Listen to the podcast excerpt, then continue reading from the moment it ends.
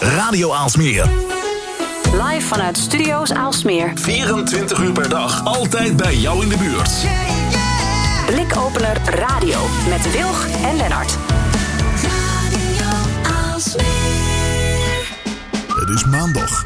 Tijd voor anders. Tijd voor scherpte en innovatie. Tijd voor Blikopener Radio. Met Wilg en Lennart. Welkom bij de 80ste aflevering van Blikopener Radio. Na twee weken afwezigheid door uh, ziekte en vorst uh, zijn we weer terug. Met en, uh, nieuwe jingles, Lennart. Ja, je hoorde nieuwe jingles van Radio Smeer. Ja. Ja, te grappig. Maar goed. Ja, mijn naam is Lennart Bader en vandaag is onze gast Lucas van Oosterom van Drone Light Labs en Drift Robotics. Met hem praten we over drone light shows. Hoe je met drones waanzinnige en ook prijswinnende in, in zijn geval lichtshows in de open lucht kunt opvoeren. Wellicht heb je ze gezien tijdens de jaarwisseling bij de Erasmusbrug onder andere. Met dat 3D-hart in de lucht uh, bijvoorbeeld. En ja, is dat nou een vervanger van vuurwerk? Hoe werkt dat nou eigenlijk? En ja, waar kunnen we naar uitkijken? Um, nou, over uitkijken gesproken. Ik kijk er erg naar uit om met Lucas in gesprek te gaan straks. Ja, zeker. Ik ook. mijn naam is Esther Gons, a.k.a. Ed Wilg. En vanavond ook in onze uitzending onze columnist en vooral technische bezieler Jilles Groenendijk. Uh, nou ja, goed. Verder uh, hebben we onze eigen blikopeners. En eindigen we als toetje met onze columnist Herman Kouwenberg. En waarschijnlijk gaan we het dan gewoon heel erg over de socials hebben. Ja, er is genoeg gebeurd op social vlak. Dus uh, nou, genoeg redenen om te blijven luisteren. Ben je nog niet geabonneerd op de podcast? Nou, zoek dan gewoon op Blikopener Radio in iTunes of Spotify. Of ga naar de website blikopener.radio. En als je suggesties hebt voor gasten, die zijn altijd welkom. Laat het weten via post.blikopener Radio. En uh, nou, zoals gezegd in de aankondiging, te gast vandaag Lucas van Oosterom. Lucas, goedenavond. Ja, goedenavond. Welkom, maar tof dat jij uh, um, in de uitzending aanwezig wilt zijn. Um, drone light shows, wat is dat? Um, ja, eigenlijk is het heel simpel. Het, het zijn drones die lichtjes hebben. Ja. En uh, als je maar genoeg van die drones hebt, kan je er een hele vette lichtshow mee doen. En uh, het fenomeen is eigenlijk ontstaan, uh, nou, ik denk zo'n tien jaar geleden. Heel kleinschalig, uh, waar iemand twintig drones met lichtjes de lucht in stuurde en daar een soort dansje liet doen. Ja, en tegenwoordig zie je ze met duizenden tegelijk afbeeldingen in de lucht doen. Als soort alternatief voor vuurwerk. Hm, want dat, zo wordt het ook echt wel gezien. Ja, of een aanvulling op. Ik bedoel, kijk, ik kom uh, zelf oorspronkelijk uit uh, Den Haag. En uh, ik bedoel, ik ben opgegroeid met vuurwerk. Stoken. Ja, maar dan moeten wij denken aan die, aan die grote vuren die we dan op stranden zien. Die ja. af en toe niet mogen, of, of weer wel. En dan ontstaan er weer nee, nieuwe ja, vuren. Precies, ja, ik ben echt letterlijk in Scheveningen opgegroeid met die grote vuren. Dus ja, kijk, het is... En vuurwerk erbij en knallen en alles. Dus ik zal nooit zeggen van, uh, weet je, het, uh, het gaat volledig vuurwerk vervangen. Maar het is gewoon een goed alternatief. En zeker in uh, plaatsen waar gewoon vuurwerk niet meer mogelijk is, verboden is, kan het een heel mooi alternatief zijn om iets in de lucht te laten zien. Ja. Het is anders, je hebt, maar je hebt daardoor ook wel weer hele andere mogelijkheden daarnaast. En. Nou, dit jaar was natuurlijk uh, er geen vuurwerk mogelijk. Hè, was er vuurwerkverbod. Ja. Um, daar nee, handig, ik wil niet zeggen handig gebruik van gemaakt. Maar daar, dat is een van de redenen, denk ik ook wel, dat je bij de Erasmusbrug zou uh, de gave show konden doen. Um, ja en nee. Kijk, ja, ik, ik denk dat het sowieso. Dit jaar was er inderdaad geen vuurwerk mogelijk. Maar er was eigenlijk niet zoveel mogelijk. Omdat um, ja, ook alle veiligheidsregio's als ze dood zijn als er maar een paar mensen bij elkaar komen. Ja. En. Uh, dus wij hadden. Um, en vuurwerk was verboden, maar um, ook eigenlijk evenementen waren verboden. En het liefst doen wij natuurlijk, vliegen we met deze drones uh, voor groot publiek. Um, dus dat moest dit jaar anders. We hebben het eerst, uh, we hebben het 5 mei gedaan uh, tijdens. het, leuke was ook dat we onze drones in Nederland hadden. Meestal hebben we die in het buitenland. Uh, voor allerlei optredens en shows en performances. Maar we hadden ze nu toevallig, uh, kwamen ze net op tijd binnen in Nederland om voor bevrijdingsdag iets mogelijk te doen. Het klinkt een beetje als artiesten. En... Ja, ze waren net over de hele wereld uh, in een helikoptertje naar een show gevlogen. Nou, een ja, beetje DJ-sfeertje dit. In, ja, ja, maar in Nederland is het nog... Um, ja, er zijn landen waar het veel normaler is al om dit te doen. Of waar, waar het veel normaler gebruik is om al met drones evenementen te doen. In Nederland begint het ook wel te komen. Maar ehm, ja, dat is, daar is de markt nog niet zo groot genoeg. Dus daardoor ga je in het buitenland dingen doen. Dus het is niet... Ja, wij hadden toevallig gewoon omdat ja, alles eigenlijk... Afgelopen jaar zijn al zijn evenementen gecanceld. Alles eigenlijk. Ja. Dus Rotterdam was voor ons leuk om toch nog iets met, met de drones te doen dit jaar. twee keer, eerst met de bevrijdingsdag, daarna voor Oud en Nieuw nog wat te doen. Hm. Het is misschien uh, leuk om te vragen voordat we helemaal ingaan op hoe dat nou werkt uh, met zo'n drone, zo'n lichtshow. Ik heb natuurlijk ook al een stiekem technische vraag van Jillis binnen. om, om een beetje terug te gaan van hoe het nou begon. Ik weet nog, jij zei tien jaar geleden net. Ik weet nog dat ik ergens een, een, een videootje zag van nou wat waren het? Vijf drones die, waar, waar, waarbij het net gelukt was uh, dat ze informatie uh, konden vliegen. Ze noemden dat nog iets van uh, zwermactiviteiten. Dat, dat ze dan overal rekening mee konden houden. is dat, is dat zo'n beetje rond die tijd ook voor jou begonnen? Hoe, hoe, hoe kom je hierin gerold? Ja, ik ben er eigenlijk ingerold in um, nou, 2010 toen ik uh, Robin ontmoette. Mijn, uh, die toen mijn partner werd in het bedrijf Aerialtronics. Waarmee we drones gingen bouwen. Dus dat is echt al dat is een tijdje geleden. En toen waren het nog echt drones voor inspectie, voor de landbouw, voor ja, noem maar op, voor politie. En, en verkochten die drones. Ehm, ook weer wereldwijd, want in Nederland mochten we niet zoveel met die drones. Dus moesten we toch ook ergens anders verkopen. Um, dus ik zat al een tijd in die drone-industrie. En eigenlijk in 2016 uh, eh, kwam ik uh, Ralf van Lonneke tegen. Partners waarmee ik nu het bedrijf heb. Die hebben Studio Drift. En die maken daar allerlei hele... Uh, die maken hele mooie kunstwerken. Allemaal op het gebied van weet je, de intersectie van natuur, technologie. Um, ja. En dat zijn... ik weet niet of jullie het kennen of je het een keer gezien hebben. Anders moet je een keer kijken op studiodrift.com. Um, en, dat, en, en, zij hadden eigenlijk al de droom sinds 2008 om een grote vogelzwerm uh, te vliegen en om dat gedrag na te bootsen in de lucht. En zo kwamen we eigenlijk met elkaar in aanraking. En um, ja, ik vond het ontzettend gaaf. En we zijn dus gaan kijken naar uh, ja, welke hardware hebben we daarvoor nodig om dat voor elkaar te krijgen. En toen hebben we in 2017 um, ehm, hebben we eigenlijk de eerste performance gedaan. Dat was uh, in Miami bij Art Basel, grootste kunstbeurs. Hebben op het strand hebben we dus 300 vogels of drones laten vliegen als vogels. En wat we daar hebben gedaan is, we hebben onderzoek naar vogelzwermen hebben we gepakt. En nou, daar was best wel wat onderzoek naar gedaan. Mm -hmm. En toen hebben we vervolgens dat onderzoek hebben we een eh, simulatiemodel gemaakt. Dus hebben we in een computer een simulatie, eh, hebben we eigenlijk een programma geschreven. Waarmee je dus dat, die zwerm eerst een simulatie kon laten doen. Nou, en dan, uh, ja, ik bedoel, we kwamen achter allerlei dingen. We hadden dat onderzoek in de computer gezet. Maar toen kwamen we erachter dat het eigenlijk helemaal uh, ja, als ze eenmaal eh, twee minuten vlogen en je volgde letterlijk het onderzoek, dan begonnen ze allemaal in een cirkeltje te vliegen. We kwamen achter allerlei dingen die als je iets weer terug in de praktijk gaat brengen, dus als je wetenschappelijke beschrijving van iets pakt, ga weer terug in de praktijk, dan ja, in het echt uh, is het dan toch wat anders. En uh, nou, zo hebben we dus het programma gemaakt.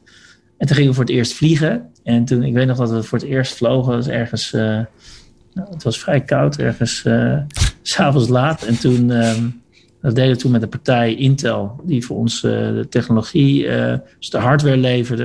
En dat was onze software. En toen vlogen we voor het eerst. En toen zagen we het. En toen dachten we van. Ja, het doet misschien wel precies wat we in het programma hebben gezet. Maar het voelt helemaal niet als uh, een natuurlijke vogelzwerm. Oh, echt? En dan zag je dus ook het.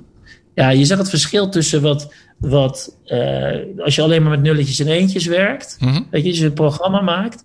En dan dat, die, die natuurlijke flow die ergens in zit. Ja. Als je een vuur ziet branden of je ziet uh, de golfslag, weet je, dan kan je echt door gebiologeerd blijven. Dan kan je urenlang naar kijken. Hetzelfde als zo'n vogelswerm in de lucht, kan je ook even naar blijven kijken. Ja. dat zat er niet in. Uh, maar dat is waar uh, Ralf van Lonneke met. Ja. ja. precies. En dat is waar um, um, eigenlijk de combinatie met uh, Studio Drift met uh, Ralf van Lonneke, die al zo lang de natuur bestuderen en zo lang in al hun werk die, die natuurlijke flow daarin brengen. Nou, dat was dus heel mooi om te zien hoe dat na een aantal iteraties we eindelijk eruit kwamen van hey, nu voelt het echt als uh, een zwerm. we moesten allerlei dingen. Een drone vliegt niet als een vogel. Weet je, zo'n drone, zo'n quadcoptertje, wat je misschien kent, wat je kan kopen. Ja, die vliegt natuurlijk niet als een vogel die helemaal met zijn vleugels kan uh, klappen. Dus, dus je moest al wat aanpassingen doen. Dus, hè, dus veel van de bewegingen die die deden, die kon die drone niet doen. Maar die deden we dus bijvoorbeeld door het licht aan te passen. Waardoor het veel dynamischer uitzag en zo. Ah. En... Um, ja, dat is wel heel, heel, tof eigenlijk. Want, want uh, dat differentieert jullie dan waarschijnlijk ook wel. Hè? Want ik zie natuurlijk ook heel veel. Nou ja, heel veel. Ik zie natuurlijk een aantal van die drone-shows. die eigenlijk gewoon ingezet worden als zijnde. Um, simuleren van pixels en daardoor uh, een soort van uh, striptekeningetje in de lucht te kunnen maken of, of uh, aanwijzingen van handen wassen, dat soort dingen. Maar dat is eigenlijk het simuleren van pixels dan wat je doet. Ja, en, en, en kijk, en, en dat, dat kunnen we ook. Ik bedoel, ik bedoel, we hebben ook de pixels, we hebben de vliegende pixels. Ja. Maar dit is echt daadwerkelijk wat anders. En, en dit is ook waar, um, ja, hier kan je ook echt een ander gevoel bij krijgen. Als het, dit, dit, dit is een echt soort driedimensionale uh, vogelswerm. En ik denk ook dat dat werk daarom uh, ja, echt wel sterk is. En dat je dus ook echt die, die verbinding met dat werk kan krijgen. Want dat, dat, dat hoort ook in zitten. Um, en ja, vliegende pixels, ja, de meeste partijen doen dat. Die vliegen een logo in de lucht of die laten een, een beeldenis in de lucht zien. Um, ik ben heel erg geïnteresseerd naar wat er gaat gebeuren als meer creatieve uh, toegang krijgen tot deze, uh, te, tot deze techno technologie. Want nu zijn het vaak de grote bedrijven die zo'n dronezwerm hebben. Nou, en dat zijn vaak techneuten. Uh, ja, die maken inderdaad uh, een soort pixelvoorstelling in de lucht. Maar dat is nog niet echt het creatieve wat je er zo dadelijk mee kan doen. Weet je wel, ik kan. Het is echt een kinderschoen. Er zijn zoveel mogelijkheden. Ja. Ja, want, jij, want, want ik hoor het eigenlijk ook. Om, om dat te kunnen doen, moet je dus zeggen: van nou, het zijn niet alleen die drones, de manier waarop ze kunnen vliegen om die zwerm of dat natuurlijke te simuleren. Maar we moeten ook heel veel met licht werken. Dus dan, dan is zeg maar het soort licht dat je op die drone hebt en hoe je dat inzet ook heel belangrijk. Of, of uh, hoorde ik dat? Ja, ja. Het is, ik bedoel, wij, wij gebruiken bijvoorbeeld het feller aanzetten van uh, het licht op het moment dat ze een bocht omgaan. Om de soort dynamiek van die drone wat meer aan te geven. Maar goed, uh, dat was bij ons in 2017 uh, met de eerste versie van uh, die drones. Er zijn nu partijen die wel weer drones vliegen twee keer zo snel. het licht is drie keer zo fel. Um, ja, je kan alweer veel dynamische dingen doen. Maar nog steeds aan die creatieve kant vind ik het nogal redelijk ontbreken. Ja, leuk, een lopende kerstman of een, ja, een raket die je voorbij ziet vliegen. Ja, dat zijn niet de dingen waarvan ik denk van nou, oké, nu haal je vollediger uit uh, wat je eruit kan halen. Dus daar, daar, daar, daar heb ik, ik kijk heel erg uit naar komende zomer. Ja. Als uh, er landen zijn die al wat, uh, wat relaxter omgaan, denk ik, met corona. Ik bedoel, als wij erachter komen dat corona blij, bij ons blijft, dan gaan we misschien ook weer wat meer um, open houden. Uh, of open gooien. En ik denk dat dat echt, uh, ja, dan gaan we echt de potentie zien van die technologie. Want die is eigenlijk net toen het een beetje de potentie begon, toen het echt goed begon te lopen, ja, toen kwam uh, corona om de hoek kijken. En um, ja, dus ik ben heel benieuwd. Ben je van huis uit meer een techneut of een artiest?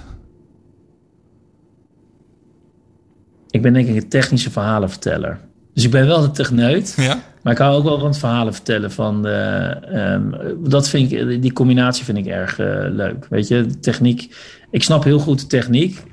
Ik denk wel dat ik, voel, dat ik wel begonnen ben als. Uh, ja, ik had, al, ik had begonnen met een uh, Commodore 64 en um, computerprogramma's schrijven. Toen nou ja, een beetje inbreken in computersystemen toen ik jong was.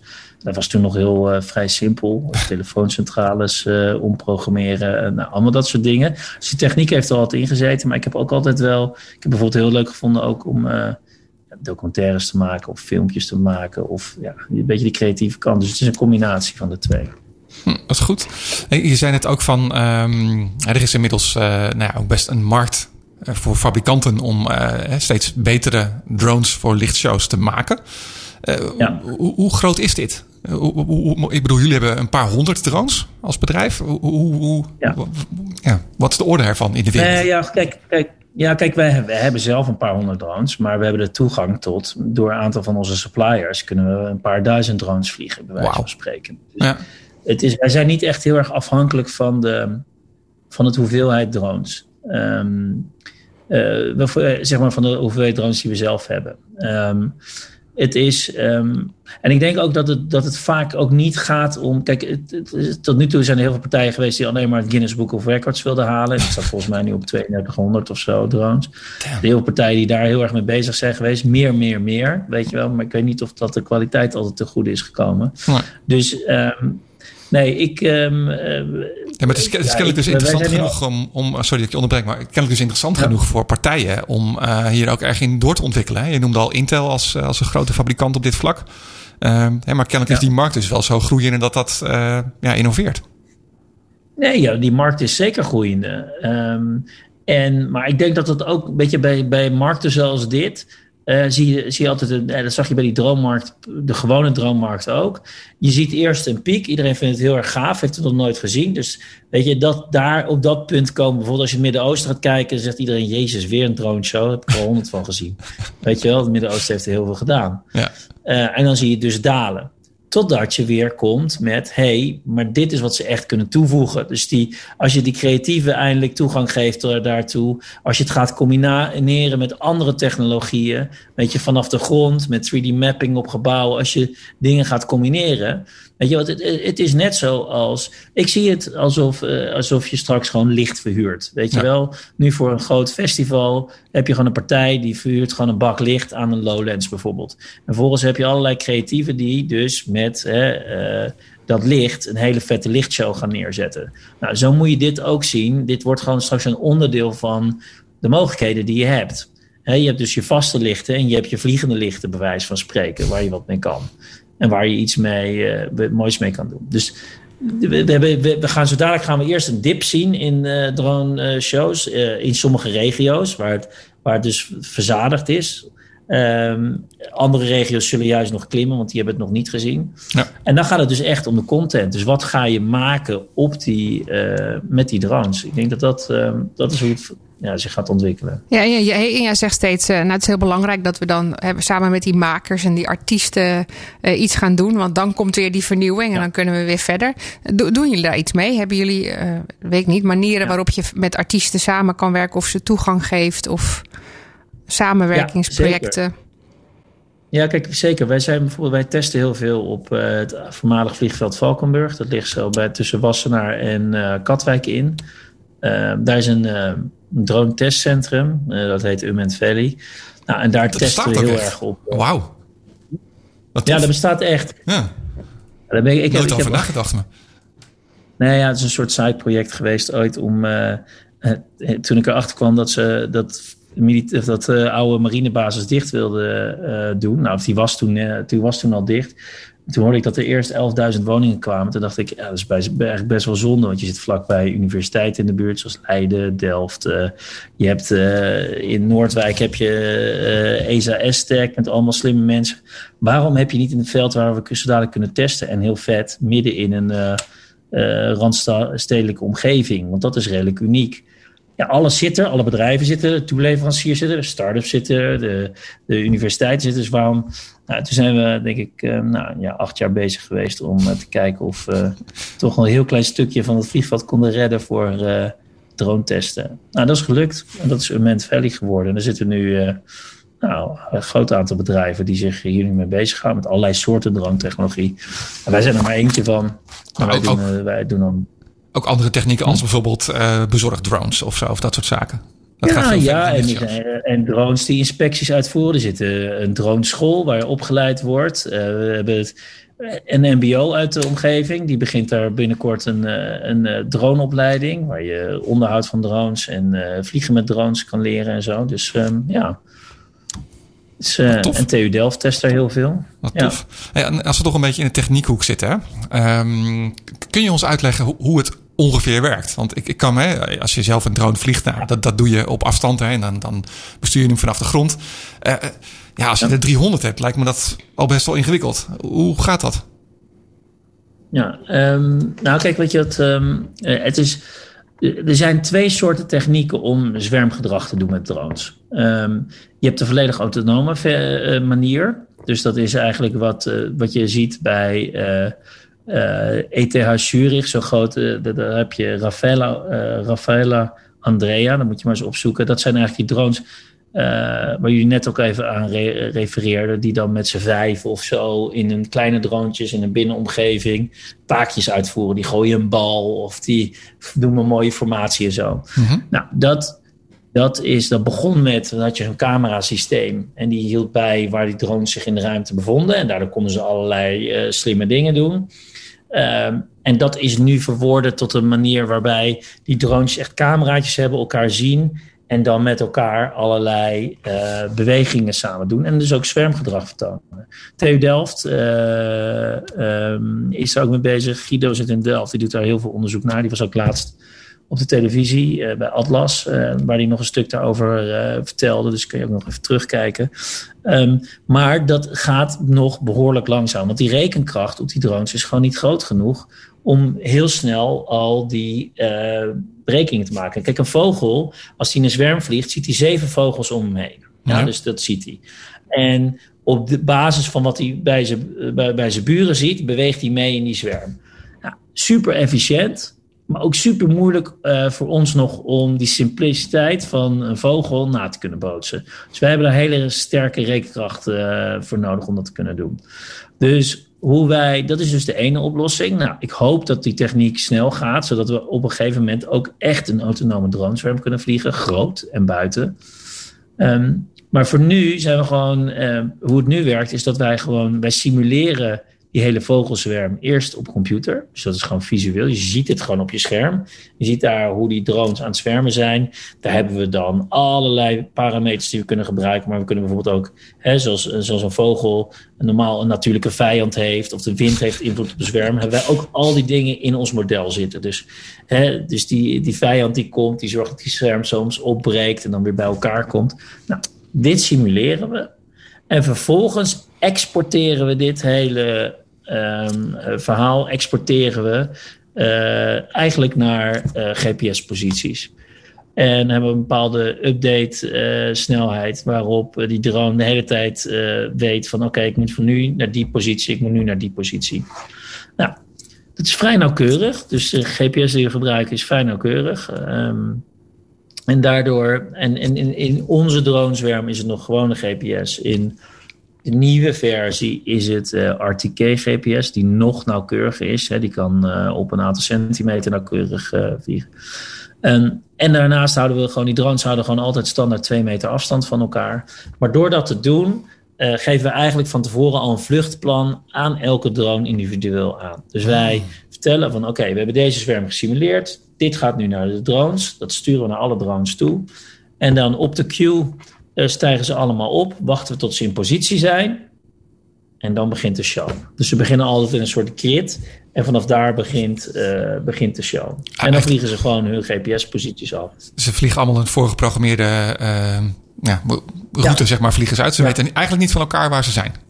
Anders dan die twee meter afstand nee. die ze misschien wel veiligheidshalve nee. houden. Nou ja, nee, maar dat, dat, dat weet, kijk, de computer weet dat wel. Die computer ziet gewoon als er afwijkingen zijn. En dan worden drones gewoon naar huis gestuurd. Dus, uh, ja, dat is, dan nog, ja, dat is nog wel interessant dan ook technisch. En dat betekent ook dat die drones af en toe moeten luisteren en moeten updaten. Dus die, die hebben sowieso ja. dingen aan boord om in contact te staan. Dan hebben ze een licht en ze moeten ja. vliegen. Dat is wel een interessante vraag van Jilles ook. Uh, hoe lang kan zo'n lichtshow dan duren voordat er hier en daar drones uit de lucht beginnen te vallen omdat hun batterijtjes uh, op zijn? Of is dat een ja, dat gevaarlijke vraag? ja, dat is een hele goede vraag. Nou, kijk, uh, meestal is een uh, vlucht niet langer dan 10 minuten. Er zijn nu nieuwe, technologie, nieuwe drones uh, die dan dat op kunnen rekken naar 15 minuten. Maar dat is wel een beetje waar je moet aan denken. Een beetje hetzelfde als met een vuurwerkshow. Die, du die duren ook nooit vaak langer, nooit langer dan, dan deze tijd. Maar je kunt wat ook je weer... wel kan doen. Ja, ja maar dus weet je wat je wel kan doen tegenwoordig? En dat is best wel vet. Is dat je Um, je kan ook gewoon meerdere, drone show, meerdere dronevloten hebben. Als je drie dronevloten hebt, dan kan je met laden erbij kan je gewoon uh, onbeperkt vliegen. Ja, die een soort relatie zo, net als met je boorapparaat. Iedere ja. keer een nieuwe batterij erin en dan doorgaan. Ja. ja. Ook slim, inderdaad. Oh, wat gaaf. Maar dat, dat, zijn dus de twee manieren waarop dat nu gaat. Um, ja, ja. Ik, wat je al aangaf, hè, die, die, die eerste manier die kost zoveel rekenkracht dat het nog niet nu op dit moment uh, technisch uh, kan om wat op grote aantallen te doen. Um, ja. De tweede manier wel. wat, wat zijn verder ontwikkelingen die je hierin ziet? Je gaf al aan verdere lamp, grotere batterij. Nauwkeuriger. Ja, en, en dus, grotere, dus als ze sneller kunnen vliegen, kunnen ze ook een hardere wind vliegen. Weet je, wij gaan nu tot windkracht 4, 5. Maar dat is nu al wat opgerukt tot windkracht 6. En dat zie je, kijk, zeker in Nederland zit je soms wel wij, even in meter per seconde, wij vliegen tot 6 meter per seconde. Maar daar zit je in Nederland vaak, vaak wel aan, zeg maar. En als je nou net iets extra hebt, dan is het, uh, is het een stuk. Uh, uh, als je, dan kan je, kan je net een wat bredere envelop vliegen van, van wat kan. Nou, dus dat is heel erg fijn. die fellere lichten, zijn, ja, dat, is al, dat is al heel erg prettig.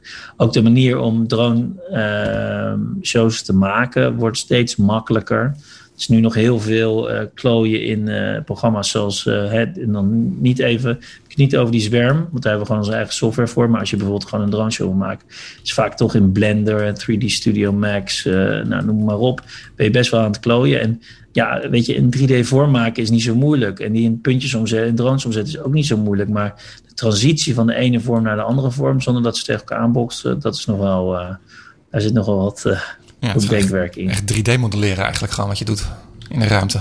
Ja. Ah, interessant. Hey, als, als je uh, terugkijkt, wat, wat is de allergaafste drone show die je zelf ooit gezien hebt? Uh, die jullie zelf gemaakt hebben of van iemand anders? Nou, ik vind de allergaafste die, uh, die we...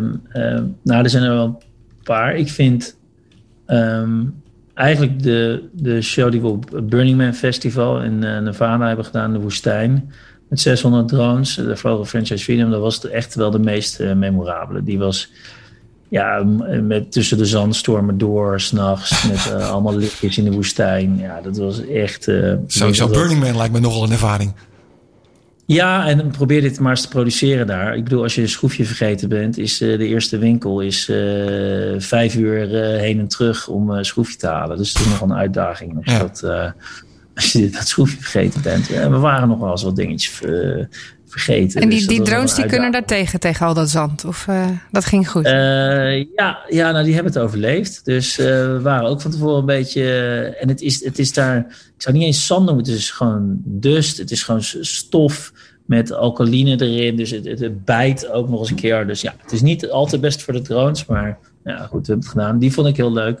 Ik vond het ook heel vet om... Um, uh, voor het 50-jarig jubileum van de landing op de maan bij uh, NASA op, uh, bij Kennedy Space Center om daar te vliegen. Dat was ook, ja, wow. was ook wel een droom. Met die astronauten. Een, een drone-droom.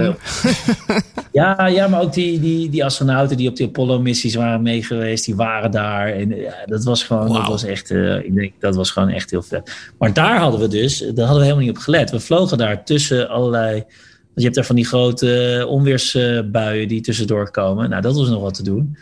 Maar we werden, het is daar midden in moeras. Dus ja, je werd helemaal lek gestoken door mugjes oh. die je niet zag. Ah. Ja, dat is echt, dus iedereen was helemaal lek gestoken. Dat was echt, ik, oh, dat was... sommige mensen die werden ook meer gestoken dan anderen, die konden dat ook verder niet aan. en dat ook wel eens een keer... Uh, ja, en een van de raarste was ook om een keer, uh, toen moesten we voor iemand vliegen. Uh, en toen vlogen we vanaf de. Uh, toen moesten we vliegen vanaf de buurman van die persoon. En dat was bij. Um, dat was de Playboy Mansion in Beverly Hills. en toen moesten we vliegen vanaf, het, vanaf de tennisbaan daar. Maar dat, daar gingen zoveel dingen die speelden die bijna niet goed gingen. En ik vind het altijd heel mooi dat als er heel veel uitdagingen zijn en uh, eigenlijk kan het allemaal niet. En je begint met honderd keer nee. En je eindigt dan toch met een ja en het gaat allemaal net goed. Dat, uh, ik, ja, dat is gewoon het leukste van, uh, van dit werk, van dit werk doen. Op aparte locaties, uitdagende omgevingen en uiteindelijk iets neerzetten wat mensen heel erg mooi vinden om te zien. Gaaf. Ja, super mooie uitdaging natuurlijk. wat, wat heb je op het vizier staan nog? Wat, wat voor toffe dingen komen er aan waar je al iets over zou kunnen vertellen? Um, nou ja, kijk, we zitten natuurlijk een beetje af te wachten. Um, want er gebeurt, ja, weet je, want we kunnen nu vrij weinig doen dan alleen maar voor recorded content doen. Um, maar er zijn nog wel, er zijn wel ja, nou, we laten zo snel mogelijk wel weten. Anders moet je gewoon uh, Studio Drift in de gaten houden. En daar komen, daar komen binnenkort komen wel wat aankondigingen van leuke dingen die we gaan doen. Uh, die allemaal al een hele tijd uh, klaarstaan om te gebeuren. Maar ja, dan moeten er nog wat grenzen open gaan. Dan moet er nog ergens naartoe gevlogen kunnen worden. En dan, ja. Maar goed, dat valt zit verzuurd niet. Um, ja, we hebben nu gewoon deze hele coronaperiode heel veel tijd gehad om wat we doen te verbeteren. Dus um, en ja, nog meer artiesten aan te haken, zodat het uh, iets fantastisch wordt. Ja, nou, maar echt komende hoor. jaar. Echt, ja. uh, precies. Ja, dat, dat, is, dat is ook echt iets waar uh, we heel erg op aan het pushen zijn. Om mensen ja, erbij te betrekken. Om het gewoon heel, nog mooier te laten zijn. Heel tof. En aan dingen te denken waar wij niet aan denken. Hè, want we Precies. zijn ook maar beperkt. Nou ja, daar had uh, Jillis nog één tip, tip over. eh, voor, als Ja. laatste. Eh, die zegt: sluit alsjeblieft aan bij MCH 2021. Mocht dat ooit doorgaan. Maar misschien kun je sowieso bij ze aanhaken. Dat is een event, non-profit. Het heet May Contain Hackers. Daar staat, staat het voor. En die, dat zijn allemaal. Eh, makers eh, die ook genoeg weten van eh, technologie, die het heel tof zouden vinden om met jullie samen daarover na te denken, denk ik. Is dat het hacker, hackers-evenement dat eens in de vier jaar is, of niet? Is dat Ja, niet, ja, dat klopt. Oké, Jillis, weet je naar welke editie ik ben geweest als eerste editie? Ik, ben, ik heb nog een heel mooi shirt van Hacking at the End of the Universe. Eh, Dat is 1993. Dat ging naar de Oh, eerste.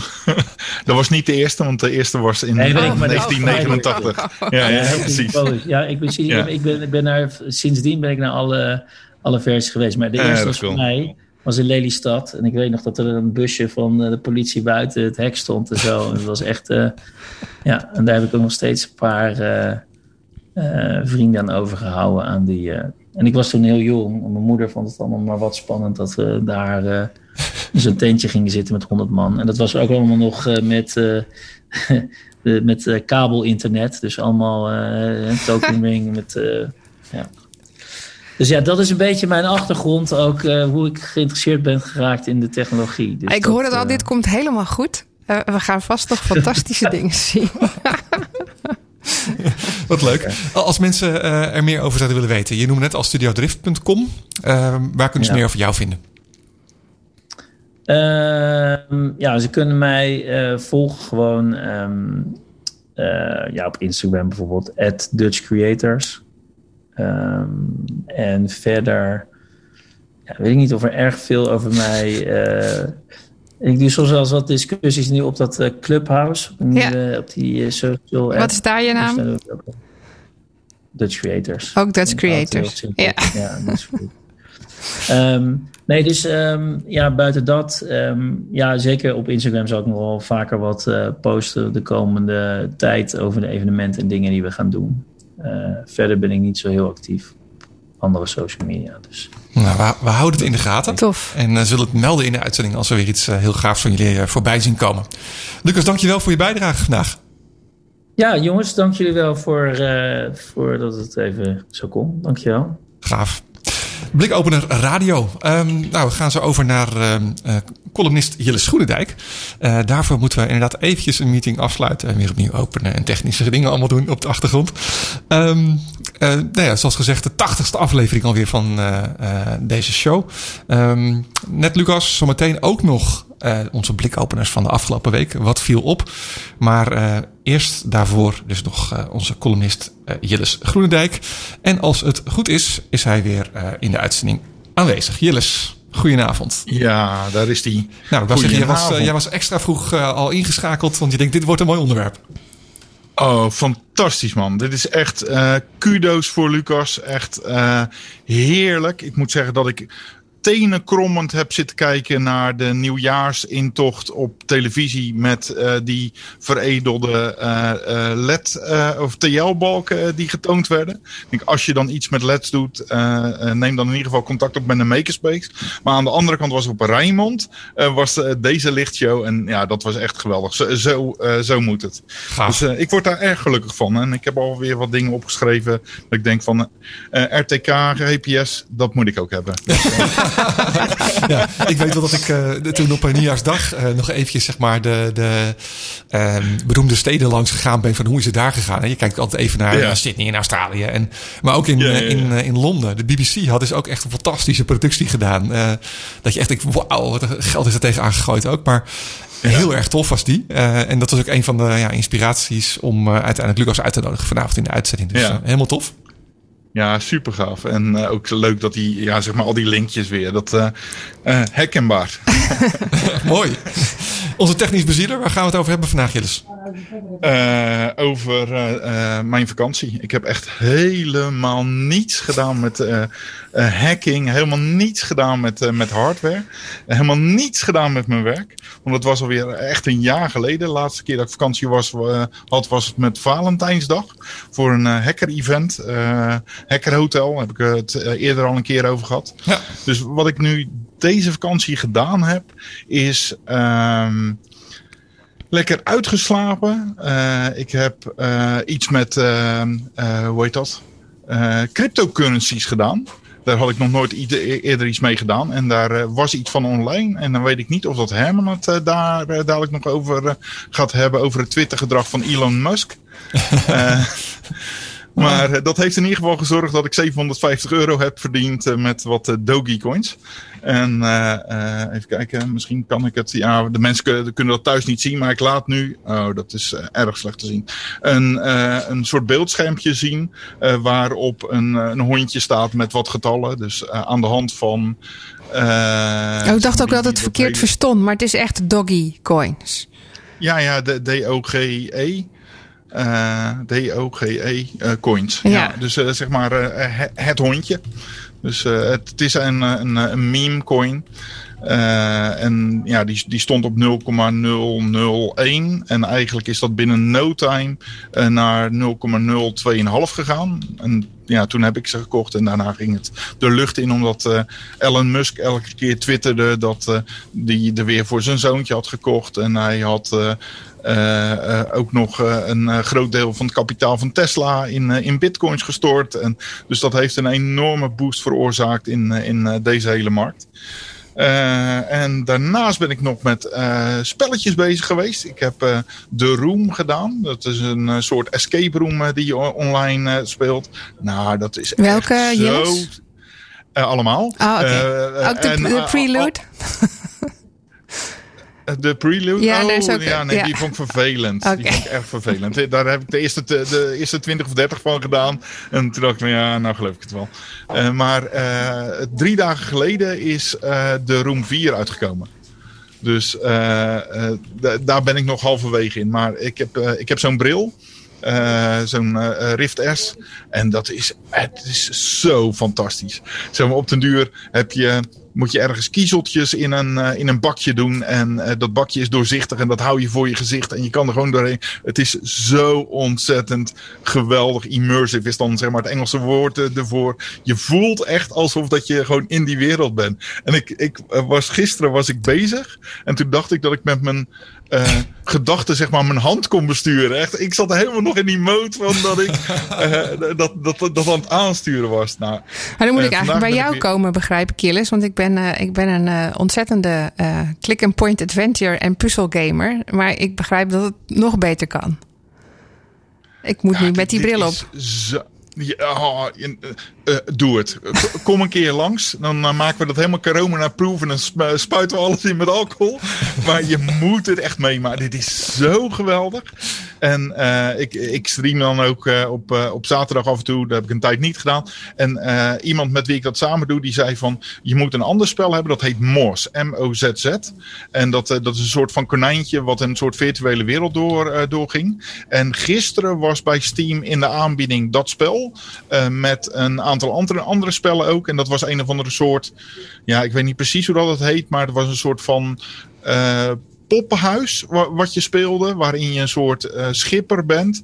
En eh, ja, dat, dat, dat zat ook weer zo fantastisch in elkaar. Dus dat- ja, ik, eh, ik blijf ermee mee bezig. Dus ja, dat, dat heb ik met, met name gedaan. En ik heb niet op sneeuw gestaan, ben ook niet buiten geweest. Niet buiten lekker, geweest lekker, zelfs. lekker aan. Nee, zelfs niet eens buiten geweest. Ik heb echt zo genoten. Ik heb het idee dat ik zes maanden op vakantie ben geweest. Zo. Eh, voor die twee weken dan. Maar echt he- helemaal offline. En eigenlijk een van de laatste dagen eh, heb ik op Netflix de Social Dilemma gezien. En ik heb hem eerst eh, zeg maar half met Sil eh, gekeken. En ik heb hem helemaal gekeken, maar zij eh, had zoiets van ik eh, ga nu naar bed. En de volgende dag was ik er zo enthousiast over dat zij hem heeft gekeken. Toen heb ik hem nog een keer gekeken. Ik dacht, wauw, dit is echt ja, eh, ik, ik snap het nu. Dus ik heb nu al mijn notificaties uitgezet op mijn telefoon. ik heb mijn social media apps eh, verwijderd van eh, wat, wat dingen. Ik heb nu Signal en Twitter. Dat zijn de enige twee platformen die ik heb. En ik ga niet meer met telefoons naar bed. Dus ik, ik kreeg van gisteren al een berichtje van iemand. Hoezo? Deed je dat normaal wel? Nou, deed je dat normaal wel. Dan ging ik naar bed en dan ging ik tot uh, twee uur s'nachts nog op mijn Twitter zitten lezen. En elke keer als ik wakker werd, deed ik dat weer. Ja. Dus ik, uh, ik ben best wel gevoelig voor zeg maar, die connectivity met, uh, met die hele, hele omgeving. En dat is wel een goeie. Ja. Ik heb speciaal daarom een, eh, een eh, Kindle gekocht. Want ik las ook op mijn ja. telefoon. En dan blijf je, ja. ook al sta je notificaties uit, zeg maar alles binnenkrijgen. Ja, dus mijn telefoon ligt ook echt daadwerkelijk nu ergens anders op te laden. En als ik lees, lees ik alleen uh, op mijn Kindle dan. Uh, want dan heb ik verder niet en, een storing. En hoe lang doe je dat al? En wat is je ervaring? Wat is mijn ervaring? dat doe ik nu inmiddels een half jaar. Ja. en ik ben er ontzettend blij mee. Ik heb ook ja. het idee dat mijn ogen hier heel blij mee zijn. Iets meer rust. Ja, ja, ja, dat geeft meer rust, ja. ja. Ik kan me goed voorstellen. En ook het feit ik, dat ik die telefoon ergens anders ligt, is heel fijn. Ja, dus dat is ook meer precies. rust. Ja, ja. Ja, ik had zelfs twee telefoons naast mijn bed liggen. één voor mijn werk en één voor privé. Dus dan moest ik af en toe nog een beetje afwisselen tussen die twee. ja. Ja, nee. En het, het, geeft ook het idee dat als je, als je denkt, nou ja, ik ga nog iets doen, dan kan je eigenlijk alleen nog maar lezen. En dat geeft focus. Dus ja, ik, ja. Ben, er, ik ben heel blij met die beslissing. Ja, nou, ik zit uh, zeg maar aan het begin van uh, die journey. Dus uh, ik, ik ga daar nog mee, mee aan de slag. nou ja, succes. Wat goed. Ja, nou, dus ja, ook een, heel goed. in ieder geval wat jou betreft ook een aanrader, de Social Dilemma. Ik moet hem nog kijken, Ja, dus ik ga dat dan zeker nu, eh, nu doen. Eh, inderdaad, de zoveelste die zegt dat het eh, de moeite waard is. Ik hoorde ook mensen die er een beetje depressief uitkwamen. Kun je daar iets voor voorstellen? Uh, ja, uh, absoluut. Uh, maar dat, dat heeft eigenlijk een beetje te, te maken met de veranderende tijd waarin, waarin we zitten. Dus zeg maar, toen ik opgroeide en had ik geen mobiele telefoon. En als ik iets, een lekker band had, dan liep ik naar de dichtstbijzijnde boer om daarom hulp te vragen. En nou, Ja. tegenwoordig is dat griezelig en kinderlokkers. En dan kun je dat niet meer, meer doen. Nou ja, dat is zeg maar Ja, toch een beetje het, Ja, eh, het, het beeld wat er, wat er is. En zeg maar, er is een hele eh, generatie die is gewoon opgegroeid eh, in de social media tijd. Dus die heeft nooit de situatie ervoor eh, gekend. En ja, als je de documentaire ziet, dan zie je ook de impact die de voortdurende kreving naar dopamine Ja. veroorzaakt.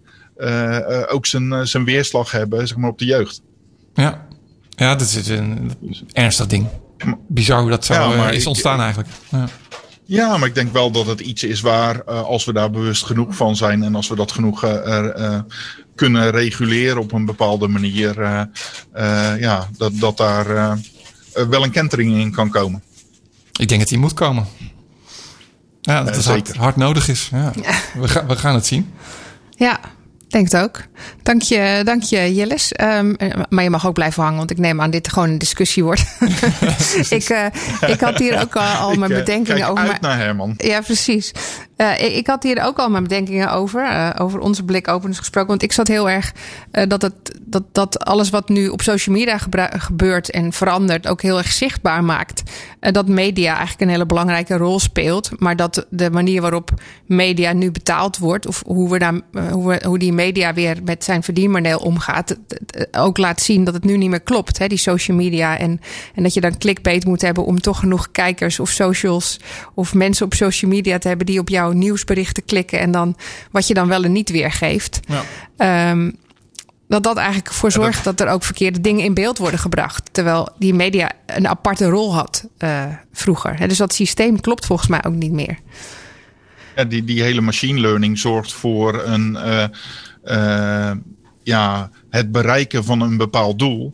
eh, waardoor je ook sneller eh, gewoon een splitsing gaat krijgen. En, en niet meer een gemeenschappelijke ja, een, een verjaardag waarbij, waarbij die gekke oom zit met die andere mening. Met die andere je mening, precies. Die andere, ja, ja, En, en dat je op een gegeven moment ook alleen nog maar berichten ziet van, van dat ene waar je toevallig drie keer naar gekeken hebt. Ja. En daardoor niet snapt Ja. dat er nog andere meningen in de wereld zijn. Maar dan Ja. denk je dat iedereen dat heeft. Dat is natuurlijk ook een groot gevaar. Dat zien we in Amerika Maar gebeuren, dat, dat zit niet alleen met social media. Dat heb je ook met policing. En dat heb Ja. je ook met, met allerlei andere dingen. Zeg maar, dat is een risico van eh, AI en machine learning. Dat, eh, ja, wat, wat wil je hiermee bereiken?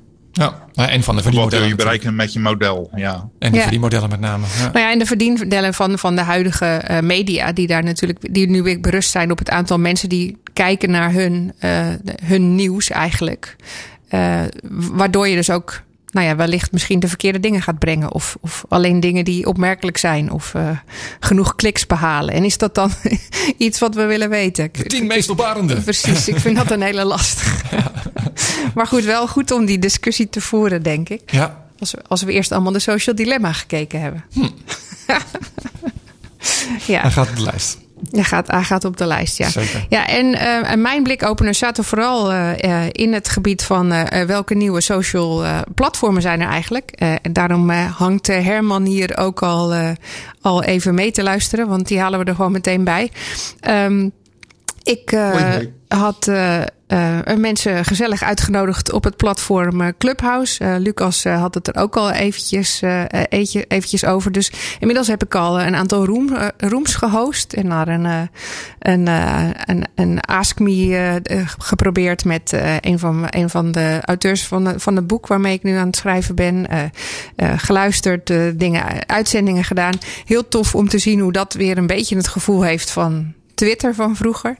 Ehm, maar goed, inmiddels zijn er natuurlijk wat meer van dat soort, eh soort eh audioplatformen. Er zijn er eh, denk ik zeven inmiddels. Die, die, daar, daar had ik het laatst al over. Maar niet alleen, nie- niet alleen nieuwe platformen. ook oude bekenden gaan, gaan op audio over. Eh, zoals er eh, bijvoorbeeld eh, vorige week opeens in Twitter, in Twitter een, een, een logootje kwam tussen de fleets. met een paarse cirkel eromheen. om aan te kondigen dat, er, dat Jeremiah Oyang, een van de mensen die ik volg, ook iets deed met audio. Herman, heb jij hem voorbij Ja. zien komen? Eh, eh, Die niet. Eh, mijn, mijn eerste kennismaking was de audio of de audio space, want zo heet het op Twitter, van Matt Navarra. Ja. En eh, dat, dat, ik, ik zit ook, even een disclaimer, ik zit ook al enige tijd op eh, Clubhouse inmiddels. Eh, voor de liefhebbers, ik heb nog twee invites over. Ja, ik heb ik ook invites, maar dan moet, je wel heel, en dan moet je wel een heel erg influencer zijn. Want ik heb begrepen dat als ik iemand uitnodig die heel veel doet, dat dat mijn algoritme ook positief beïnvloedt. Ja, Over algoritmes ik ben- gesproken. Ik ben op Clubhouse eigenlijk voornamelijk nog maar een lurker. dus eh, jij, jij bent al eh, een stuk verder influencer eh, dan ik daar. Eh, alhoewel ik wel merk dat eh, het, je groeit wel makkelijker op Clubhouse. Eh, mensen, eh, dat is ook een beetje meteen mijn grote manco met Clubhouse. En ik denk dat Jill daar eh, ook een, nogal een sterke mening over heeft. Maar eh, de het privacy aspect van Clubhouse is toch wel een beetje minder. Heb ik het idee. eh, eh, zoals ik, ik bedoel, ik, ik probeer vaker eh, nieuwe apps en nieuwe platformen en dergelijke. En eh, dit is eigenlijk de eerste app die mijn con- eh, complete contactenlijst leegzoog eh, op mijn telefoon. Ja, dat was wel een van de eerste dingen waar ik een beetje mee zat op Clubhouse. Misschien kunnen we dat even, Ja. even uitleggen. Hè, dus je, je, gaat, je installeert de app en, en tot, tot dan gaat het allemaal prima. Je, je moet wel even je, je, je telefoonnummer. eh, want je bent door iemand uitgenodigd die, die dus ook jouw telefoonnummer heeft. Dus die Ja. nodigt jou persoonlijk uit. Eh, maar dan zeggen ze: je hebt eh, heel tof, je hebt zes invites, want deze app is in beta. Eh, dus jij, ma- jij bent heel speciaal. Jij mag deze mensen uitnodigen. Maar dat kan alleen als je nu je eh, contactenlijst deelt met ons. Want dan alleen kun je nieuwe mensen uitnodigen. Ja, Eh, en dan moet je je beetje, telefoonboek openzetten. Dus daar, daar, daar Ja, kan je heel lang over Die moet je eerst twijfelen. even wissen. Ja, doe je dit Ja, maar- of doe je dit maar niet? Ik bedoel, ik, ik heb uh, inmiddels uh, twee keer op Twitter geroepen dat ik invites heb. En uh, ja, dat wordt, dat, dan word je heel erg populair. Vooral in eerste instantie. Mensen hebben nu inmiddels gelukkig door dat het alleen maar iOS is. Maar ik heb al één invite ver, verspeeld aan iemand die een Android-telefoon heeft. en je kunt ze ook niet intrekken. Nee.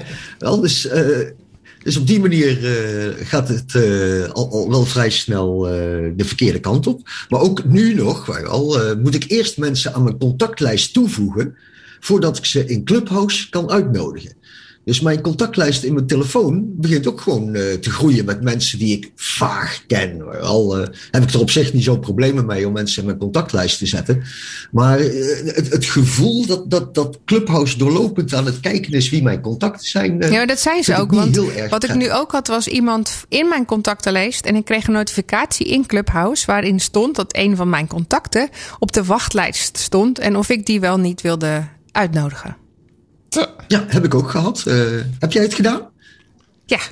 Ik vind het wel een slim mechanisme dat je op die manier zeg maar uh, altijd een soort van vertrouwd iemand hebt die jou dan toelaat of zo. Dat vind ik wel mooi daarvan. Dus ik zie ook bij mijn account staan dat Wilg uh, mij uh, heeft uitgenodigd ervoor. En ja. dat blijft ook altijd zo staan. Ja, dat blijft altijd staan. Maar dat, daar, dat, staan, dat is dus een dingetje, want dat, geven ze, dat zeggen ze ook letterlijk. Dus het was niet een grapje van het algoritme. Uh, jij bent degene die diegene heeft uitgenodigd.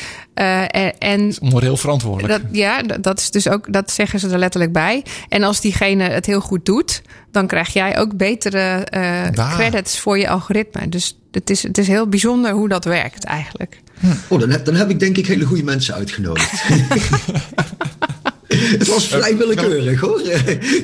Welke partij maar, zit erachter? Zeg maar, om, uh, als ik even terugdenk aan Parler. Uh, die, waar alle data van op straat lag omdat er iemand iets met een API had gedaan. Zit er een beetje een degelijke partij achter die dit heeft gebouwd? Ik weet eerlijk gezegd niet welke partij erachter zit. Uh, ik weet wel dat, dat het in China al uh, een beetje mis aan het gaan is. Het is uh, Agora. Maar, ja, wat gaat er in China niet mis? Agora heet die partij. of Agora. En die, dat is een techniekprovider die sinds 2012 bestaat, lees ik hier. En ze, doen, ehm, ze hebben allerlei API's, hè, dus programmeursinterfaces voor real-time voice en video. Um, Zaken. Is dat dezelfde partij die ook achter Agora Pulse zit? De dat denk social ik. media monitoring platform? Dat zou, dat zou, zou kunnen. Um, en um, het, het, verhaal gaat ook dat ze uh, de techniek van Clubhouse in een week hebben gemaakt met dit platform. Dus dat het zeg maar heel Meestal snel, niet het meest snel vertrouwenwekkend qua security en dergelijke. Nou, dat, dat weet ik niet, maar meer van dat de techniek van het, uh, het audio, zeg maar, dat zat dus al in dat platform wat het bedrijf al sinds 2012 doet.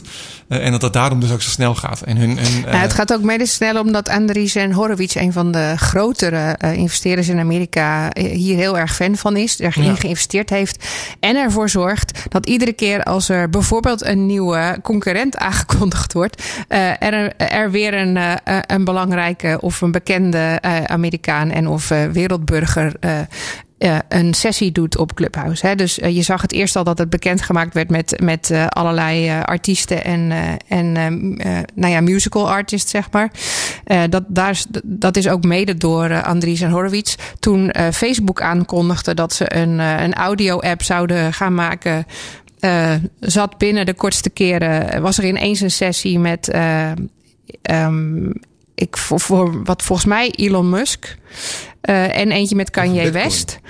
Uh, dus, dus dat zorgt ervoor dat, dat, dat het opeens heel populair wordt, zodat het het maar voorblijft. Ik heb nog niet een, een speciale sessie gezien die aangekondigd werd omdat Twitter Spaces aangekondigd heeft. Maar dat hadden ze natuurlijk al een tijdje. Uh, dus wellicht proberen ze dit nu gewoon. Ja, ze proberen de audio wars eigenlijk. Dat Elon Musk nou Poetin heeft uitgenodigd voor een clubhouse sessie. Wauw, oké. Okay. Uh, dat is om Rusland mee te krijgen. Dan, dan die kant ook op gaan. Ja. Maar uh, je, je, noemt net audio spaces van Twitter. dat is eigenlijk gebouwd op de audiofunctie die Periscope al had. Ja. Ja. Periscope had een, een, een Periscope is, zoals we waarschijnlijk weten, inmiddels of bijna ter ziele. Wordt bijna, uh, uit de ja. App Store gehaald. Dus het wordt uh, helemaal uh, verwijderd als aparte app. Het blijft wel doorbestaan als live video binnen Twitter. Maar de, de aparte app die is er nou wel een beetje vanaf. Ja, het grappige is dat dus, als je dus op, hè, dus als je zag van Uh, als je, want de meeste mensen hebben namelijk zelf nog niet de functionaliteit uh, om een uh, Twitter Space te beginnen, zo'n zo'n room. maar je ziet wel al in je fleet als andere mensen dat wel beginnen. Dus dan zie je zo'n soort van paars rondje ja. om een groepje mensen heen. Als je daar dan op klikt en je hebt nog nooit eerder met Periscope gewerkt. Uh, dan wordt er dus ook op dat moment gevraagd of je dat wel wil uh, toevoegen aan je, aan je Twitter. Of iets met. Er wordt gementiond dat je dat dan okay. wel moet hebben. Oh, okay. uh, dus je ziet ook ja, echt dat dat ik daarop werkt. Ik heb al vaker met Periscope gewerkt, dus ik heb die niet gezien. Hm. Maar als ik het over de gebruikerservaring heb. wat ik van, wat ik van audiospaces van, van Twitter heel erg prettig vond. Was het feit dat je veel duidelijker zag wie er nou eigenlijk aan het woord is. Ja, ja dat komt omdat zij daar een soort van bewegend uh, audio, zo'n zo'n Soundcloud-achtig in beeldje gebruiken. Ja, dan zie je ook echt, ja. uh, als, er, als er gepraat wordt, hè, dan, dan zie je dat dat paarsige, dat dat beweegt. Zoals je bij muziek wel eens eronder ziet. Terwijl bij ja. Clubhouse er alleen een lichtgrijs cirkeltje zit om degene die ook spreekt. En die verspringt okay, nog wel dus eens. Nog dus als er meerdere mensen zijn, zie je niet zo duidelijk wie dat is. Maar er is een heel klein lichtgrijs cirkeltje om degene die spreekt heen. Ja. Plus in, in uh, audio spaces kun je uh, emoji, emojis gebruiken. Je kunt iemand uh, honderd en klappen en zwaaien. Dat vond ik wel prettig. en, en ik bedoel, voor mij voelde het. Kijk, ik, ik heb al een behoorlijk netwerk op Twitter. En daardoor was de onboarding voor mij heel erg simpel en redelijk vertrouwd. En, uh, maar ik, ik, ik, moet zeggen, uh, ik, ik, weet niet van jullie, wie van jullie uh, Matt Navarra heeft. ja, die had ik maar, ook, ja. ja. ja wat ik weer, dan weer een plus vind van Clubhouse, is dat daar de laatste dagen er echt een enorme stortvloed aan tools voorbij komt. Zo kun je, heb je al tooltjes die je, wel, als je in Amerika een room zou willen volgen, maar geen zin hebt om de hele nacht op te blijven, dan kun je al een tooltje inschakelen die hem gewoon voor je opneemt en dan krijg je hem toegemaild. dan krijg je, kun je gewoon een audiobestand gaan afluisteren. Wel, dus dat vond ik al heel wat. Wat ook weer grappig is, dat toch wel een beetje het, het, het, idee van um, hè, dat het eenmalig is. Dat gaat meteen dan weer een klein beetje. Ja, er, er zijn in de mensen die inderdaad ook. Er is ook een tool, namelijk, zo goed dat je dat zegt, die, uh, die er een soort van podcast-uitzending van maakt. Ja. Wat eigenlijk niet de bedoeling is, want dat was natuurlijk bedoeld voor dat eenmalige. Dat is ja. ook wel weer grappig. Ja. ja ik, ik zat te, we kunnen misschien dat we volgende week of de week daarna dat we een, uh, een, een Clubhouse-uitzending gaan maken op Clubhouse. Dat lijkt me nee, een, nee, dat kan niet, want Jill heeft een Android-telefoon. Nee, ja, dan moeten we Jillis dus niet als columnist uitnodigen. Hij heeft ook dat, ja. Misschien dat uh, met Dim van Android wilt, kan het misschien wat moeilijker worden. Maar dat, dat is ook wel een goed idee. We hebben even gekeken, technisch moet het wel, uh, wel kunnen om het op de radio uh, en op de podcast te krijgen. Dus wie weet lukt dat volgende week. dank jullie wel, heren, voor jullie bijdrage vanavond. het is alweer het eind van, van deze aflevering.